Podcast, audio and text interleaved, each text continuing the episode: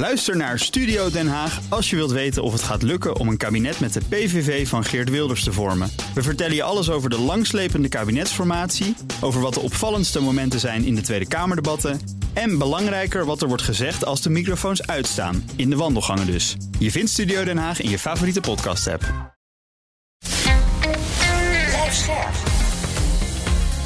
BNR Nieuwsradio. The Big Five. Art Rooijakkers. Vanwege hardnekkige stemproblemen moest ik dit jaar een stap terug doen. Na een traject van maanden ben ik nu hersteld en mag ik mijn eerste Big Five week aftrappen met het toepasselijke thema vallen en opstaan. Ik ga in gesprek met gasten die, net als ik, te maken kregen met tegenslag. Ieder op zijn of haar eigen manier. Welke lessen hebben ze geleerd en hoe krabbel je na zo'n moeilijke periode weer op? Vandaag bespreek ik dat met Glenn Helder, voormalig profvoetballer, ex-international van het Nederlands elftal. Ze gaat ook nog even zeggen of we wereldkampioen gaan worden, misschien wel. En is ook percussionist. Welkom. Dankjewel. Voordat ik het met je ga hebben over je carrière en je turbulente leven tot nu toe, wil ik graag twee dingen van je weten allereerst. Je verdiende vermogen als profvoetballer. Je verbraste je fortuin volledig, sliep soms zelfs in de auto, zat in de gevangenis. Van al die aspecten die ik nu zo even opsom, wat vond jij het moeilijke van vallen? Dat je niet door had uh, hoe ver en hoe diep je kon vallen. Dus dat je al valt is al erg. Maar dat je ook niet door hebt van, wacht even, je bent al lang niet uitgevallen. Dan maak je ook verkeerde keuzes op het moment dat je aan het vallen bent. Terwijl je een hele andere keuze moet maken om te zorgen dat je naar boven gaat. Je weet niet waar de bodem is? Nee, je, hebt, uh, je had het uh, zwarte gat en daarna kwam het Glen Helder gat. Zo diep zat je. Wat was voor jou dat zwarte gat, dat Glen Helder gat? Wat was jouw absolute dieptepunt? Ja, ik weet niet hoe lang die uitzending duurt. Een uurtje? Nou, dat is te weinig tijd. Ja, zo diep zat je. Ja, kijk, elk huis aan kruis. Oké. We gaan het erover hebben hoor, we komen erop terug. Tijdens die hele donkere periodes, dat, dat Glen Helder gat, wat je al zegt. Dat is de tweede vraag waarmee ik wil beginnen. Wat heeft je overeind gehouden in je leven? Uh, ja, dat heeft te maken met wilskracht. En uh, vooral acceptatie. Acceptatie in de zin van, je kan wel vinger wijzen, maar er wijzen drie vingers naar jezelf. Je bent zelf verantwoordelijk voor al jouw daden. En als je, als je daarmee begint, dan is dat de eerste stap richting weer de andere kant op. Als je met je hoofd tussen je knieën gaat zitten en uh, balen van, oh, wat gebeurt er al? Ja, dat gaat niet werken. En bij mij helemaal, omdat andere mensen maken dingen mee waar ze niks aan kunnen doen en hun overkomt of overvalt. Ik, heb het gewoon, ik had het gewoon zelf veroorzaakt. Nou, die mentaliteit heb ik ook omgedraaid in een bepaalde kwaadheid richting mijzelf. Om dan uh, in plaats van woorden, uh, ja, geen woorden maar daden. Dus omzetten in daden. We gaan erover spreken, over dat wat je allemaal meemaakt. Maar ik wil heel graag met het voetballen beginnen. Want wat was jij goed? Krijg ik straks mijn geld terug? nou, dankjewel Art. Dankjewel. Ja. Je hebt uh, een, een, een, carrière gehad, een, een, bijzondere carrière. Bij Vitesse was je de absolute uitblinker. Je ging naar Engeland, naar Arsenal, speelde vier keer in het Nederlands elftal. Had er wel iets meer moeten wezen. Ja, misschien wel. Nou, weet ik wel, ja, 100%. Als jij beter met je leven om had gegaan, had er veel meer als vier interlands. Wilde je als kleine jongen altijd al voetballer worden? Ik denk dat heel veel kleine jongetjes uh, voetballer willen worden. Uh, tot je een gegeven moment op een pad komt waar je ziet van nou, dat gaat er waarschijnlijk niet worden. Ja, ik bleef constant op een pad met voetbal, dat je steeds hoger kwam te spelen en uh, steeds meer ontwikkelde. Dat je op een gegeven moment ook uh, interesse kreeg van BVO's. Dus terwijl ik die droom had, werd die ook eigenlijk wel uh, steeds meer, meer waar. Maar dat, dat telt natuurlijk niet voor iedereen. Nee, BVO's zijn betaalde voetbalorganisaties, zeg maar de clubs. Ja, dankjewel dat je het me even uitlegt. Ja, ik dacht, nou, ik leg het de luisteraar even uit. Ja, het zijn niet alleen profvoetballers die luisteren. ik snap je wel. um, jong was je, jong in de twintig volgens mij, toen je doorbrak bij Sparta, later ja. bij uh, Vitesse. Ja. Kun je jouw eigen talent als voetballer omschrijven? Ja, ik had een, ik had een paar dingen en dat was... Uh, het maakte niet uit wie tegenover mij stond. Want ik wist dat ik beschikte over een paar, ik noem het zeg maar, uh, wapens. En een van die wapens was snelheid. Uh, daarnaast had ik ook nog techniek. Redelijk, redelijk veel talent. Maar het allerbelangrijkste, ik had het over mijn lijkmentaliteit. Het maakt niet uit wie voor mij stond. Het enige wat ik wil is dat we na de wedstrijd elkaar gaan voorstellen. Want dan zie je me pas voor het eerst. Want tijdens de wedstrijd moet je, moet je alleen maar mijn rug zien. Achter je aan rennen. Echt hè? Ja, ja, ja. Nee, dus, eh, ja, het is een combinatie van als je alleen maar, bijvoorbeeld alleen maar goed kan voetballen of een goede techniek hebt, ja, dan ga je het niet mee redden. Het is, eh, het is een combinatie. En als je daar eh, bijvoorbeeld Messi en Ronaldo, die hebben alles tot in het uiterste. Nou, ik had misschien 1% zeg maar van hun. nou, dat is ja, dat- Maar daar heb je het maximale dan toen in ieder geval in de jeugd uit, uitgehaald. ja, absoluut. Ja. In 1995 maakte je een droomtransfer. Toen ging je naar Arsenal toe. Later kwam je al vier keer uit voor het Nederlands elftal. Ik zei het al. Je Ja. zei het had meer moeten zijn. Die tijd, bij zo'n topclub in Engeland. Het Nederlands elftal, de absolute top in het voetbal. Ja. Wat, wat voor gevoel heb je dan als je het veld oploopt, vraag ik me altijd af. Dat, dat, dat wordt zo vaak wordt dat gevraagd. Omdat Eh, het een droom is voor zoveel waarschijnlijk. Ja, ja voor, voor mij ook. Eh, alleen, jij vraagt het nu via jouw ogen. En dan ga ik het uitleggen via mijn ogen. Via jouw ogen, zo keek ik ook toen ik voor het eerst eh, het veld opkwam. En ik keek omheen en ik dacht, wauw. Eh, staat je bij Arsenal. En... Maar dat is na 20 seconden is dat gelijk weg. Is het weer alleen die wedstrijd? Nou, waarom? Omdat zoals jij het aan mij vraagt en zegt van... wauw, hoe is dat dan? Heb ik dat ook. Maar ik heb daarvoor al een hele weg bewandeld om daar te komen. Dus ik bleef dat natuurlijk op een andere manier. Ik geniet op dezelfde manier zoals jij het nu zegt. Maar daarna ga ik dus over waarom ik daar sta. En daarnaast eh, zat ik ook in elkaar. Bijvoorbeeld, ik werd verkocht van Sparta eh, naar Vitesse voor 650.000 gulden toen een tijd. Anderhalf jaar later ben ik opeens 5,4 miljoen waard. De transfer naar Arsenal. Ik wist van 5,4 miljoen binnen anderhalf jaar. Ik ben toen naar de wc gegaan. Ik denk, nou, misschien eh, verandert dat ook, weet je. Dat je Is het goud? nou, het was nog twee keer zo erg. Met andere woorden, ik, ik eh, vind sommige dingen niet zo bijzonder. Hoe andere mensen zeg maar, daarnaar kijken. Omdat ik weet, we zijn allemaal...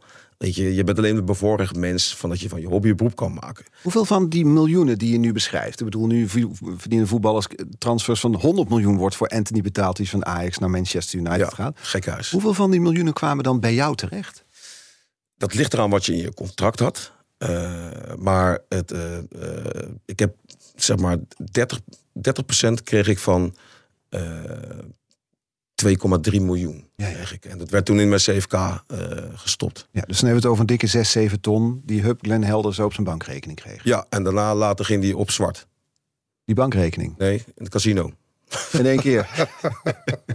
en die bankrekening ging naar Nee, rood. nee, dus. Ik, dus, dus je- ik verdiende bij ehm, Arsenal verdiende ik 1 miljoen, 80.000 gulden bruto. Eh, waar ik dus zeg maar bij Vitesse eh 100.000 gulden bruto zeg maar verdiende. Dus dan zie je, je verdient gelijk tien keer zoveel. Eh, als ik toen al respect had gehad voor geld, dan was mijn leven ook een heel ander verhaal geweest. Terwijl ik gewoon goede opvoeding heb gehad. En vroeger moesten we ook met weinig geld eh, hè, moest je ook eh, rondkomen. En we hebben nooit het, het, het gebrek, bijvoorbeeld, of het gemis van geld gemerkt in de familie. Nooit. En toch had je geen respect voor geld. je. Snap je? Snap je? En Waar zit hem dat in? Of waar zat hem dat in? Ja, dat is heel goed. eh, Dat verschil wat je even maakt. Waar, waar zit het wat in of waar zat het dan in? Ja. Dus ja, dat zat gewoon letterlijk in wat ik zeg. Kijk, geld is niet het allerbelangrijkste. Maar je moet het wel waarderen. Mhm. Als je het niet gaat waarderen, dan gaat het je straffen. Nou, mij heeft het keihard gestraft. Ja, want waar je geld onder andere voor gebruikt, die zei het al, het casino. Nou, wat ook, wat ook, wat mensen denken altijd, eh, dat staat natuurlijk ook leuk van, ik heb al mijn geld vergokt. Je hebt ook veel weggegeven, zeg je altijd. Ja, ik, ik heb meer weggegeven dan, dan vergokt. Eh, dus ik, als je praat over eh, wat ik gewoon echt kwijt ben geraakt met gokken, was het tussen de 200 en 350.000 gulden. Wat je gewoon echt kwijt bent geraakt. En wat je weggegeven het is tussen de 800 en 950.000 gulden. Als iemand een eh, eh, 500 vroeg, gaf ik 500. Vroeg iemand 32.000, gaf ik 32.000. Eh, ik, ik had mijn eh, kinderen toen nog niet. Toen, eh, hè, je moet überhaupt eh, ben bevoren dat je überhaupt kinderen kan krijgen. Maar eh, als ik mijn kinderen op dat moment had gehad, dan zou je heel anders ook met geld zijn omgegaan. Of daarnaar gekeken had. Omdat dan ben je op zelf, dan ben je zelf niet meer belangrijk. Dan zijn je kinderen het allerbelangrijkste. Was je eigenlijk, want in voetballen was je goed, daar zijn we het over eens. Was je ook goed in gokken? Ja, dat bleek, daar ben ik al mijn geld kwijtgeraakt. Je stelt goede vragen, Art, als je goed te gokken. Nee, goed in gokken. Hoe kan je nou goed in gokken zijn, zeg maar, weet je wel? Eh, Goed in gokken in mijn ogen, eh, dat, dat bestaat niet. Je verliest altijd. Eh, eh, ik heb, in mijn boek beschrijf ik ook een één hoofdstuk over eh, gokken. En ik help andere mensen ook eh, met problemen, met Ja. gokken. Maar eh, ja, nee. Als je goed in gokken, dat, dat, eh, het compliment voor jou is. Ik denk niet dat jij ooit gegokt hebt of eh, gokken. Dat, dat, dat is echt een, eh, een, een vraag van een, van, een, van een niet-gokker en dat is alleen maar goed. Beetje een domme vraag. Dus. Nee, nee, The Big Five. Art Rojakkers. Met vandaag de gast Glenn Helder, voormalig voetbal international. Eh, en we beginnen al een beetje het pad te bewandelen wat er naast die voetbalcarrière gebeurde in je Glenn, want eh, in je leven gebeurde. Je was gokverslaafd. Dat begon met gokkasten, eigenlijk toen je 16 was volgens mij zo'n beetje. hè? Ja, 17 jaar. Ja. 17. Daar begon het mee en het verwerkt tot, tot de gang naar het casino. Die gokverslaving werd ook nog eens bekend voor het grote publiek. Ik vroeg me af hoe dat dan, ja, hoe dat ging en wat dat dan met je doet als zoiets ook nog eens bij, bij heel veel mensen bekend wordt. Als jij, eh, eh, stel je hebt problemen en dat weet alleen een, een, kleine groep om je heen, dan is het voor een persoon waarschijnlijk makkelijker om eh, met dat probleem om te gaan en, en om dat bijvoorbeeld aan te pakken. Maar je hebt, als je bekend bent, heb je voordelen en je hebt nadelen. Alleen die eh, voordelen zijn, eh, laat het duidelijk zijn, wel meer dan 80 procent. Met voordelen. Maar die nadelen, die zijn bijvoorbeeld 20 procent. Nou, ik zat in, dat, dat, dat, zeg maar in de hoek waar voor mij dat dus echt een nadeel was, omdat het is iets slechts. Eh, sterker nog, normaal gesproken moet jij, als je van je hobby een beroep kan maken, mag maken, en je zit ook nog een keer in zo'n positie in vraag en aanbod in deze maatschappij, dat je zoveel geld verdient, dat je financieel onafhankelijk eh, kan zijn met je, met je, met je, met je, met je, met je van je hobby een beroep hebt te kunnen maken. En dan maak jij zo'n ongelooflijk zootje ervan. Dus dat is dubbel. Daar, daar, daar schaamde ik me al voor mezelf voor. Laat staan dat iedereen Snap je? meekijkt. En dan, dan, dan nu weet iedereen het.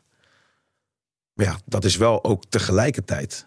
eh, dat leg ik wel iets gedetailleerder uit. eh, eh, of bij lezing of in, in mijn boek. Mijn redding geweest dat ik kon stoppen met gokken.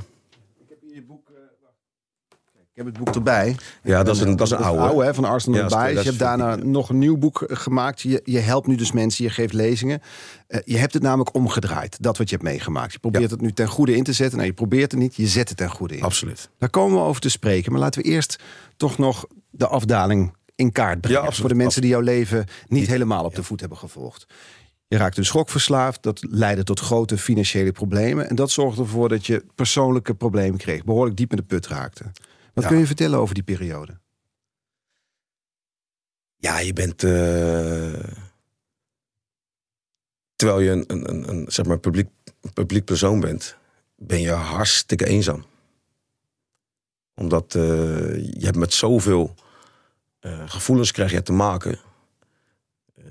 wat je al normaal gesproken al hebt als je alleen bent en weinig mensen weten, of stel niemand zou het weten. Mhm. Ik had ook nog te maken dat gewoon iedereen het zeg maar wist dat heeft ook gelijk mij gevormd dat ik ook eh, een bepaalde hardheid eh, voor mezelf, een soort muur om me heen heb gebouwd, dat andere mensen me niet kunnen raken, want anders had ik nu nog steeds in de goot gelegen. Mhm. Eh, maar het, het vormt wel dat je een bepaalde eh, mentaliteit krijgt als je op een gegeven moment het wel accepteert. En wat moet je accepteren? Nou, je moet accepteren.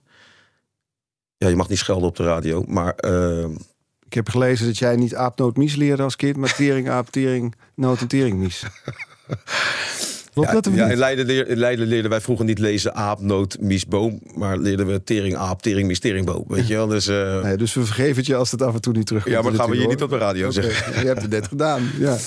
Nee, maar eh, Dus je was hard voor jezelf. hard voor mezelf. Maar dat, dat eh, omdat op een gegeven moment, je, je kan niet anders.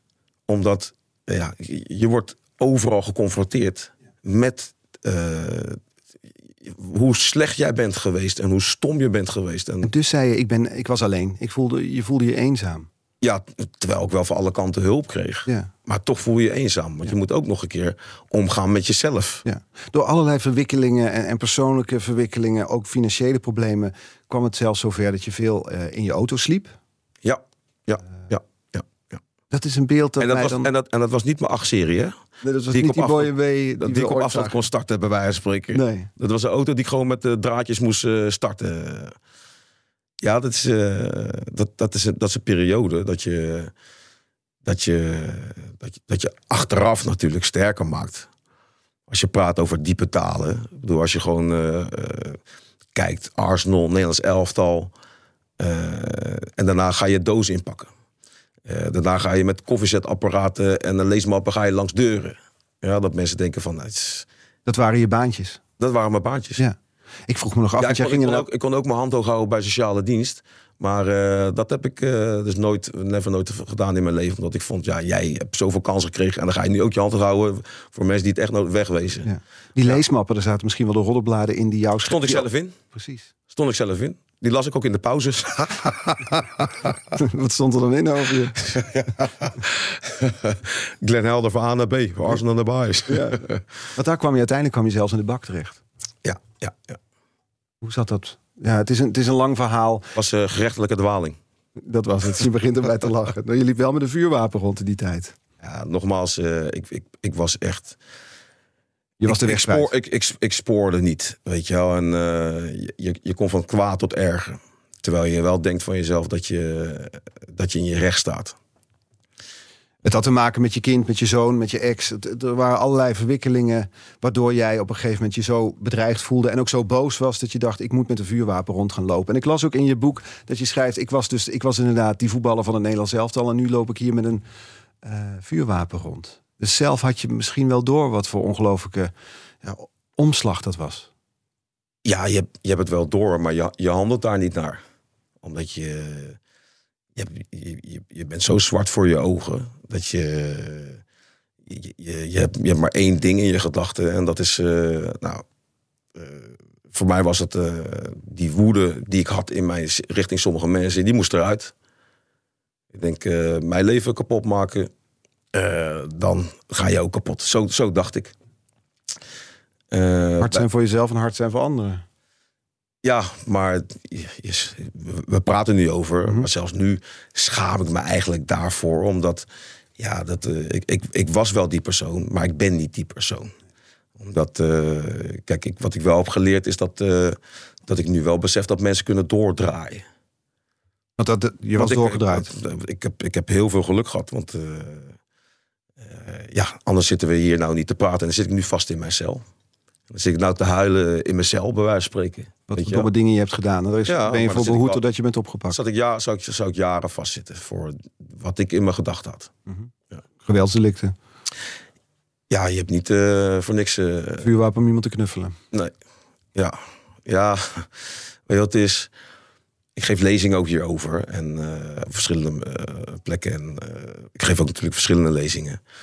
Maar dit onderwerp. ehm, kijk, het benadrukt je elke keer van. Want ik weet wie ik ben. Mhm. Ik weet ook zeg maar, waar ik voor sta. En toch heb ik die dingen gedaan. Mhm. Dat hoort ook dus een- bij mij. Het is een onderdeel van mij dus geweest. Waar ik dus absoluut niet toch trots op ben. Sterker nog, waar je ook van walgt ook.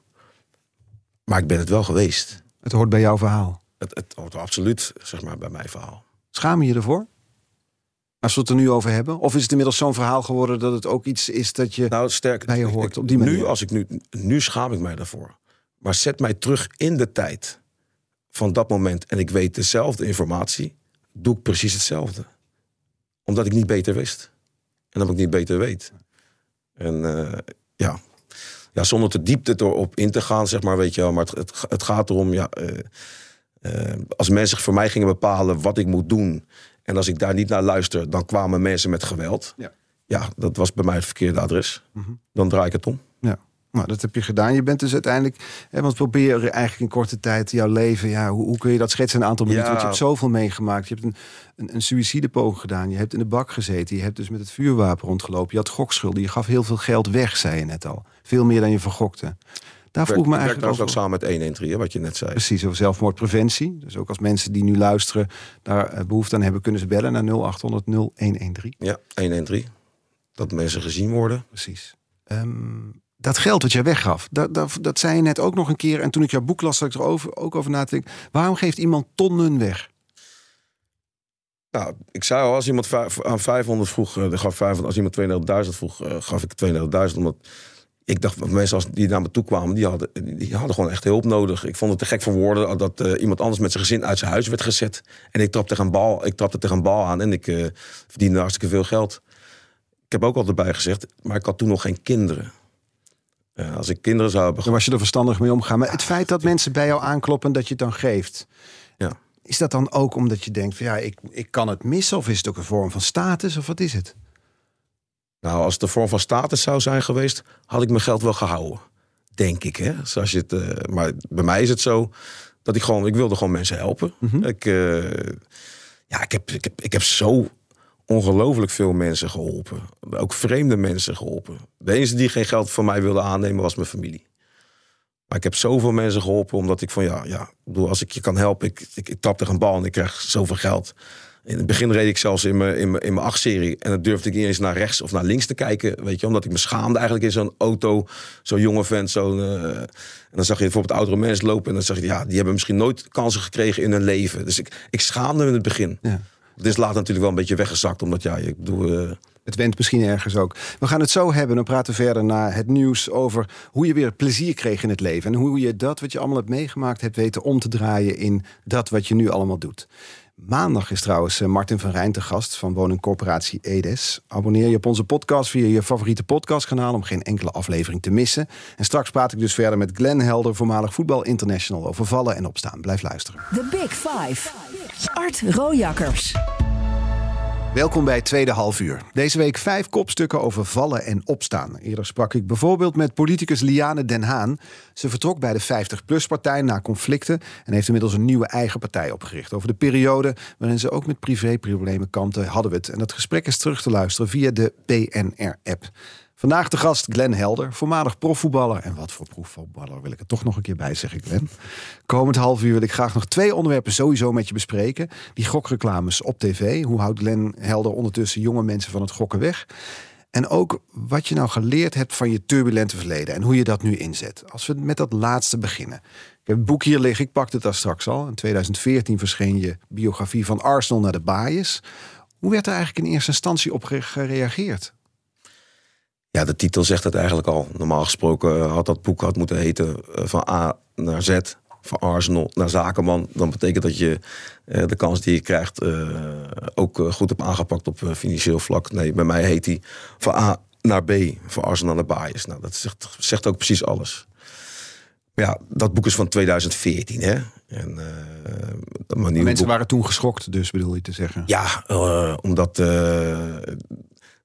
dat klopt van Arsenal naar de bias. Klopt dat, dat, dat, dat zegt toch alles al. Weet je wel, dat zegt al eh, dat je het niet goed aangepakt hebt, eh, Glenn. En dat is nog heel zachtjes uitgedrukt. Nou, dus dat is ook natuurlijk ook wat de reactie is natuurlijk eh, buiten. Ik bedoel, de eerste berichtgeving ook daarvan. Ja, dat, dat, dat weet je ook allemaal. Omdat in plaats dat het alleen maar een goed verhaal is van, van Arsenal en je hebt je, je, hebt je, je, kansen gekoesterd, maar dan ook in daden. eh, goed voor je vakleven, je rust pakken. eh, je weet, je, je, lichaam is eh, jouw instrument. Dus daar moet je goed voor zorgen, sowieso, als je dat beroep zeg maar doet. Mhm. Ja, dat had ik toen helemaal niet gedaan, zeg maar, weet je, op die manier. Nou, en dan ook nog, dat je dan ook nog een keer in de bias komt en al die problemen hebt veroorzaakt. Eh, ja, dat is geen eh, goede cv of aanbeveling. Nee. Of misschien wel. Misschien is het wel een hele goede les. Voor, want voor, voor wie? Ja, voor de mensen die jouw Ja, verhaal niet- nu horen. ja nu, Ja. maar niet in die tijd. Nee, in 2014 ook nog niet. Toen ze dat boek lazen. Eh, reacties van mensen? Ja, maar dat is dan meer zeg maar een boek van dat je vertelt hoe dingen gegaan zijn. Ja, Eh, je levensverhaal. Ja, en nu komt erin van wat heb je daar nou mee gedaan? Mhm. En waar ben je dan nu mee bezig? En wat doe je dan nu? En hoe vertaal je dat dan nu? Daar kom ik zo nog wel op terug. Want er zijn wel een paar echt goede dingen waar je mee bezig bent. eh, waar ik ook vind waar andere mensen wat aan hebben. En dan heb ik het over eh, de, gokverslaving. eh, dan heb ik het over gezondheid en vitaliteit. Want dat, het, dat, is een, dat, is dat is echt iets. Zeg maar, je kan niet het vijfde wiel op, opnieuw uitvinden. Maar je kan wel het vijfde wiel, eh, zeg maar, next level.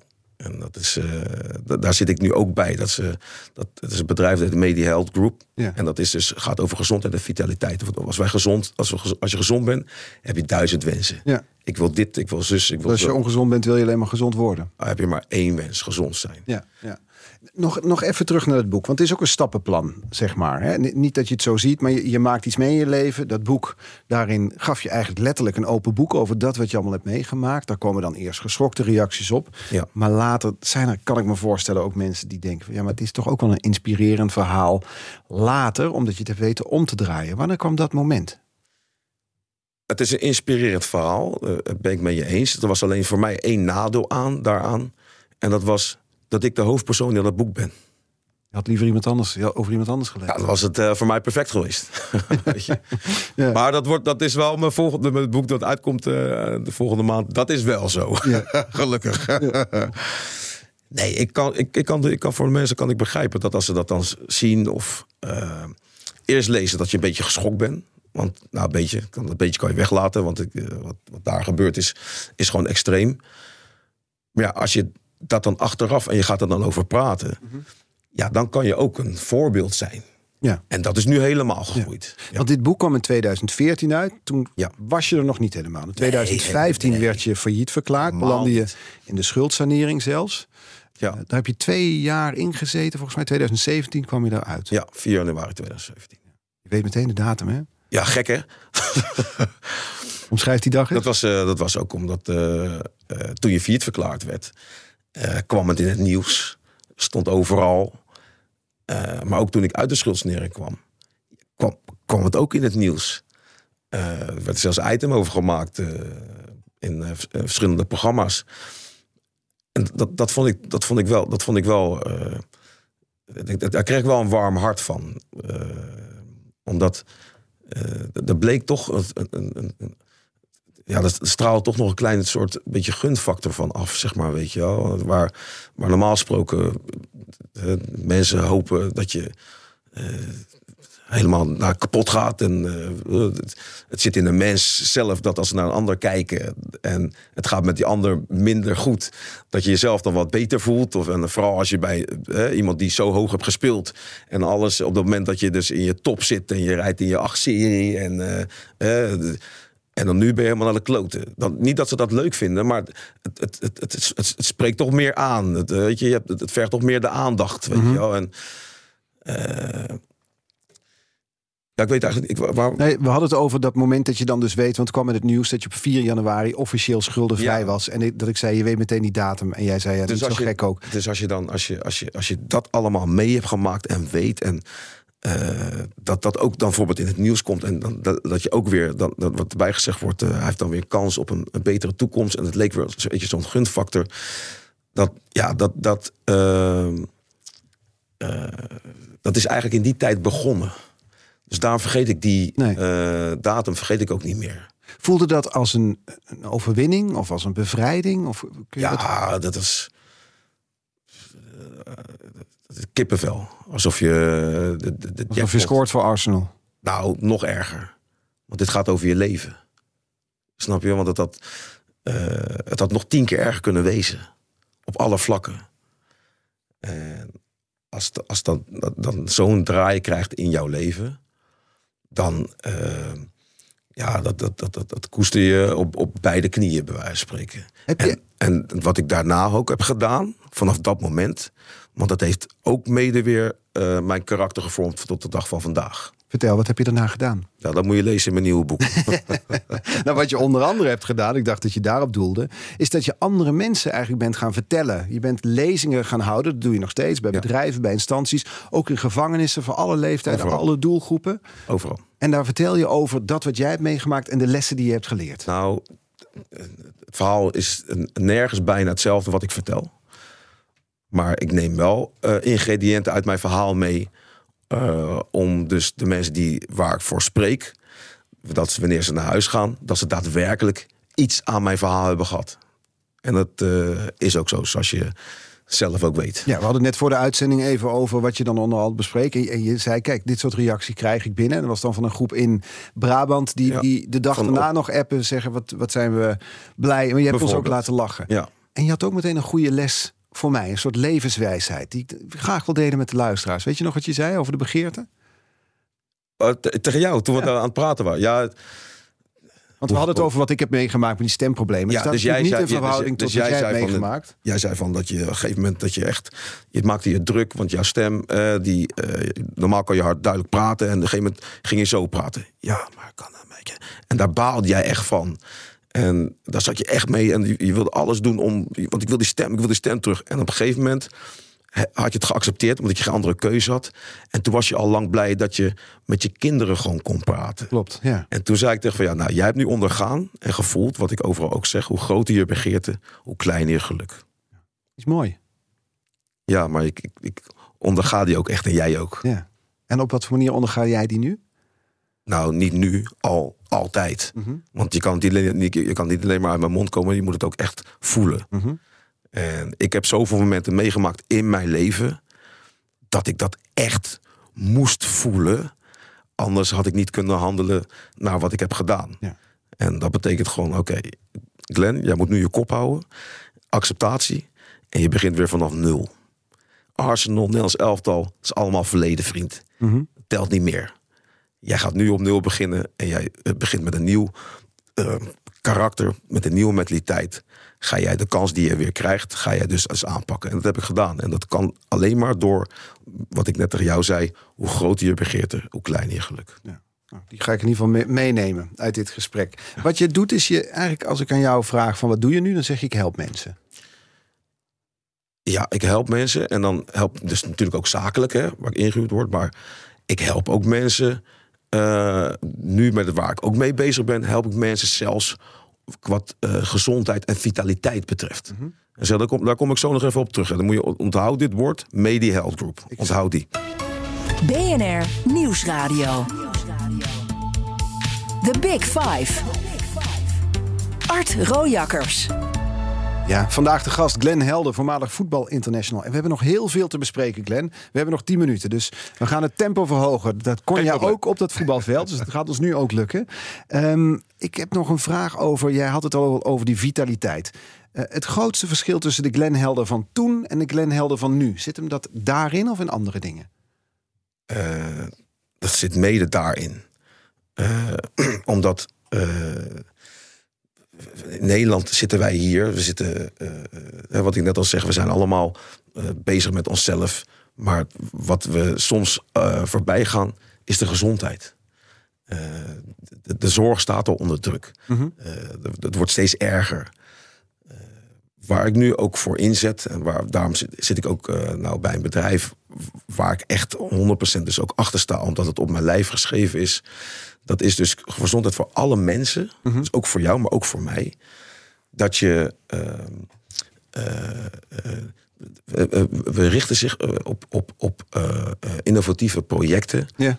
Binnen de preventieve gezondheidszorg. ja, dus je wil mensen gezond houden, daar hou je mee bezig. En vi- vitaal. En vitaal, ja. Vitaal. Ja, en, en niet alleen Waarom dat. lach je nou? Nou ja, omdat je het zo nadrukkelijk zegt tot drie keer toe. Ja, omdat, omdat ik echt vind dat eh, we, we zitten in Nederland en we hebben heel veel problemen Ja. hè, met allemaal dingen. En, eh, ik vind het gewoon belangrijk, want als je een, een toverstaf hebt, Ja. toveren allemaal dat we allemaal gezond zijn. Ja.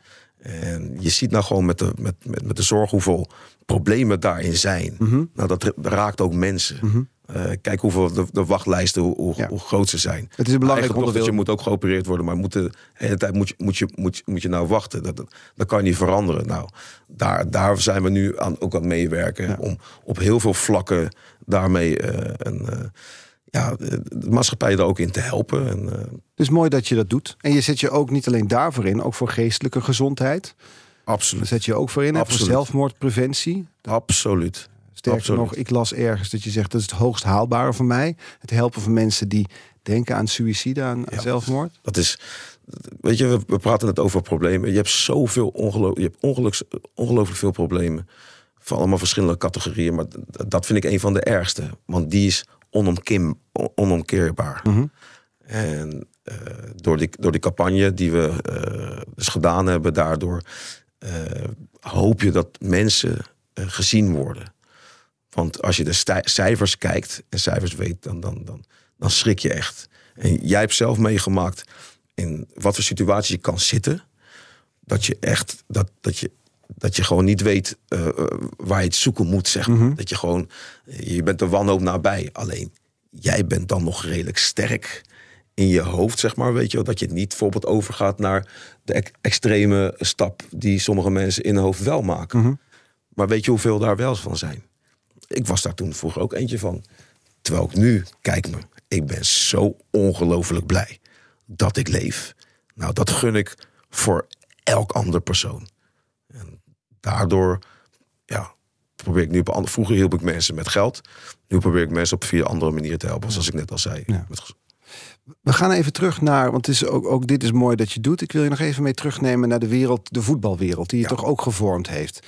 Dat komt door de kettingvraag die is gesteld. Gisteren was mijn gast Jaap Koelewijn. Hij is ex-hoogleraar Corporate Finance aan de Nijrode Business Universiteit. Een hele ik, andere eh, wereld. Die had ik vroeger eh, goed kunnen gebruiken. Ik ga verder. Hij had deze vraag voor jou, Glenn. Nou ja, gokken is onder voetballers een probleem. Hè? Dikker kuit, andere mensen. En dan zie je dat bij de voetbalclubs hele jonge jongetjes... ook vaak uit sociaal zwakkere milieus gaan voetballen. Daardoor ook status krijgen. Hé, hey, herken ik. Geld krijgen. Eh, verkeerde vriendinnetjes en vriendjes om zich heen krijgen. Wat vindt Glenn Helder de verantwoordelijkheid van de voetbalclubs... om deze jongens eh, in bescherming te nemen tegen zichzelf? Ja, dus de verantwoordelijkheid van de voetbalclub, zegt hij. Eigenlijk schetst hij een wereld die jij ook al schetst. Het zijn jonge jongens die snel veel geld verdienen, daardoor ook veel status krijgen. Komen misschien wel verkeerde mensen op af. Hoe moet je die jongens nou in bescherming nemen of begeleiden? Eh, het is een combinatie van factoren hoe je dat zeg maar moet en kan beschermen.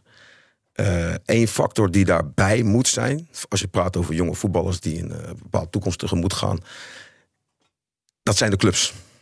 Dat zijn absoluut eh, de clubs die een bepaalde verantwoordelijkheid daarin hebben. Eh, de club zegt natuurlijk, ja, het is een zakenvernemer en de familie. eh, Want we, geven je geld en we verzorgen alle voorzieningen. En dat moet genoeg zijn. En de rest, en in hun ogen hebben ze daar ook gelijk in. Maar op het moment dat jij zorgt dat zo'n speler in een bepaalde wereld komt, doordat je dat aanbiedt, en de voetbalwereld met geld en eh, wa- waar je door geld en dan ook gelijk status krijgt, hoort daar ook een andere verantwoordelijkheid hoort daarbij. En dus daarmee leren omgaan. Vooral omdat de verschillende eh, eh, jeugd komt allemaal uit verschillende soorten sociale wijken, maakt niet uit. Dus je hebt daar niet één soort maatpak voor hoe je dat aan moet pakken, maar wel de basis. En de basis nu, die is er helemaal dus niet. Er wordt te weinig in gedaan. Dus helemaal niet. Helemaal niets. Nou, en eh, sommige clubs zijn er wel mee bezig met de politie. Eh, eh, volgens mij is Ajax die is er ook mee bezig eh, eh, voor, voor, voor preventief. Maar alle clubs die moeten dat gewoon doen, omdat elke speler die bij jou in je BVO zit, kan te maken krijgen met die vervolgstappen in zijn carrière. Wat dus was- ook al komt hij er niet mee in aanmerking, kan je in ieder geval zorgen dat ze wel ervan afweten. Ja, dus dat, dat betekent dan informatie geven. Maar als je Informatie bijvoorbeeld- geven en mee omgaan. Ja, maar als je bijvoorbeeld kijkt naar spelers nu als een groot talent, als Iataren, die dan bij PSV speelde, daar wordt weggestuurd. Ajax neemt hem uiteindelijk van uit Italië over. En hier lijkt het dan ook weer niet te lukken. Dus er gaan allerlei verhalen over die jongen dat hij met criminelen te maken heeft, noem maar op en zo. Dan denk ik, daar zit Glenn Helder naar te kijken. Die zou nou onder zijn hoede moeten nemen. Ja, maar heel veel mensen nemen IATA onder zijn hoede. Je hebt eh, Raf van der Vaart, Wesley Snijder, eh, Gerald Vanenburg. Maar jij hebt het doorleefd. Ja, eh, kijk, eerst, eer- allereerst, als ik kijk naar iemand als Iatare, ongelooflijk zonde van wat er eigenlijk allemaal gebeurt. Maar ook hij, eh, wat ik net al in, in eerder programma zei, je kan een vinger wijzen, maar dan wijzen drie vingers naar jezelf. Je kan alle hulp krijgen die op je bord komt, maar je moet het zelf doen. Hij moet, hij moet zelf zorgen dat hij een bepaalde mentaliteit krijgt door het besef van wat hij nu gedaan heeft. Kijk, hij, iedereen kan fouten maken. Dus je mag hem vergeven. Alleen op een gegeven moment is er een grens. De andere kant, hij is ongelooflijk jong. Hij heeft zoveel talent. Hij is al beoordeeld terwijl hij een hele jonge jongen was. Alsof hij dus al een, uh, een, een gevestigde speler was. Die al jaren in, in het vertegenwoordige elftal heeft gespeeld. In top. Hij speelde bij PSV. Alleen hij was zo goed voor zijn leeftijd. Maar hij is wel gelijk beoordeeld alsof hij net uh, jaren al een geschiedenis heeft. Dat is ook een enorme druk op leven. Snap je? Dus komt enorme druk. Dat zijn allemaal verschillende zijn, zijn, personen zijn verschillend. En overal waar uh, roem komt en geld, komen ook andere mensen op af. Heb ik ook zelf ondervonden. En alleen nu de maatschappij is twee keer zo erg en misschien wel tien keer zo hard. En de bedragen zijn ook veel hoger dan in jouw tijd. Daarom. Dat natuurlijk ook nog is. Ik vroeg me in dat opzicht af, uh, Glenn Helder met zijn, met zijn leven en zijn kennis en dat met je ervaring wat je hebt meegemaakt hoe jij dan kijkt naar al die gokreclames rondom het voetbal. Er was een poosje, hè, waar er kwamen er voetballers in voor. Dat mag nu niet meer, maar we zagen er een hele rij in voorbij komen. Ook trainers, Dick Advocaat zagen we. Wim Kieft, Andy van der Meijden, Wesley Snijder. Johan Boskamp zat er ook in. Volgens mij zit jij je thuis op te vreten als je dat zag. Nee, ik zit me niet op te vreten. Want uh, waarom zit ik mezelf niet op te vreten? Omdat ja, ik bedoel, ik kan me niet alle problemen aantrekken. Nee. Ja, dat, uh, snap je? Dus en uh, van de andere Wat kant. vond je ervan, van die reclames? Nou, kijk, als je mij vraagt, als ik ingehuurd word om met mensen te praten, met gokkers of eh, voor instanties of mensen te helpen. Dus mijn kijk op, kijk, gokkers, op verslaafde mensen, gokkers überhaupt, zijn de grootste leugenaars die er bestaan. Niet alleen tegen de omgeving, maar ook tegen zichzelf. Uh, als jij dus dat. Uh, het, het, idee was goed dat ze het dus legaal wilden maken, omdat je dan vanuit de overheid meer controle hebt. Mm -hmm. ja? Mm -hmm. Maar doordat je het legaal maakt, maak je het gelijk makkelijker voor gokkers om juist zeg maar anoniem te blijven. De drempel ja, wordt lager. Je wordt wel, je wordt wel vermeld in je naam, maar uh, net zoals ik zeg, gokkers zijn de grootste leugenaars uh, die er bestaan, ook tegen zichzelf. Die gaan allemaal wegen zoeken om te kunnen blijven gokken. Want één ding blijft voor iedereen hetzelfde. Als jij geld verliest, wil je dat terugwinnen. Hoe rijk je zeg maar ook bent. Dus daar maakt het ook niet uit hoeveel geld je hebt. Als jij geen met gok verslaafd wordt, gaat ook jouw geld gaat op. Ja. Nou, eh, als je dan praat over goks, uh, goksites dat is, uh, net zoals je bijvoorbeeld naar, stel je gaat naar het Holland Casino. Mm -hmm. Iedereen moet gewoon naar het Holland Casino kunnen gaan om een avondje ja. uh, eh, plezier te hebben. En luister, het gaat alleen om, je moet uh, de mensen die de fout ingaan, dat zijn de mensen die naar, Holland, die naar bijvoorbeeld Holland Casino gaan om geld te winnen. Ja. Als je daar gaat om plezier te maken, waar de ander bijvoorbeeld de drie spijkerboeken gaat kopen, zou er niks aan de hand zijn. Nee, dus het zit hem in de, in de maat, inderdaad. Daar en zit in hem... de mens ook. Precies. als je geld verliest, wil je terugwinnen. Ja. Maar we hebben nog 23 seconden, Glenn. Serieus? Ja, maar daar, daar kon jij wel drie keer in scoren. Dus dit gaat ons ook lukken. We hebben namelijk nog een kettingvraag. Ja. Een korte vraag mag je stellen aan de volgende gast. Maandag is dat Martin van Rijn, voorzitter van de branchevereniging van woningcoöperatie EDES. Ze hebben het over duurzaam bouwen, mijn collega Diana Matroos en hij. Wat zou je van hem willen weten?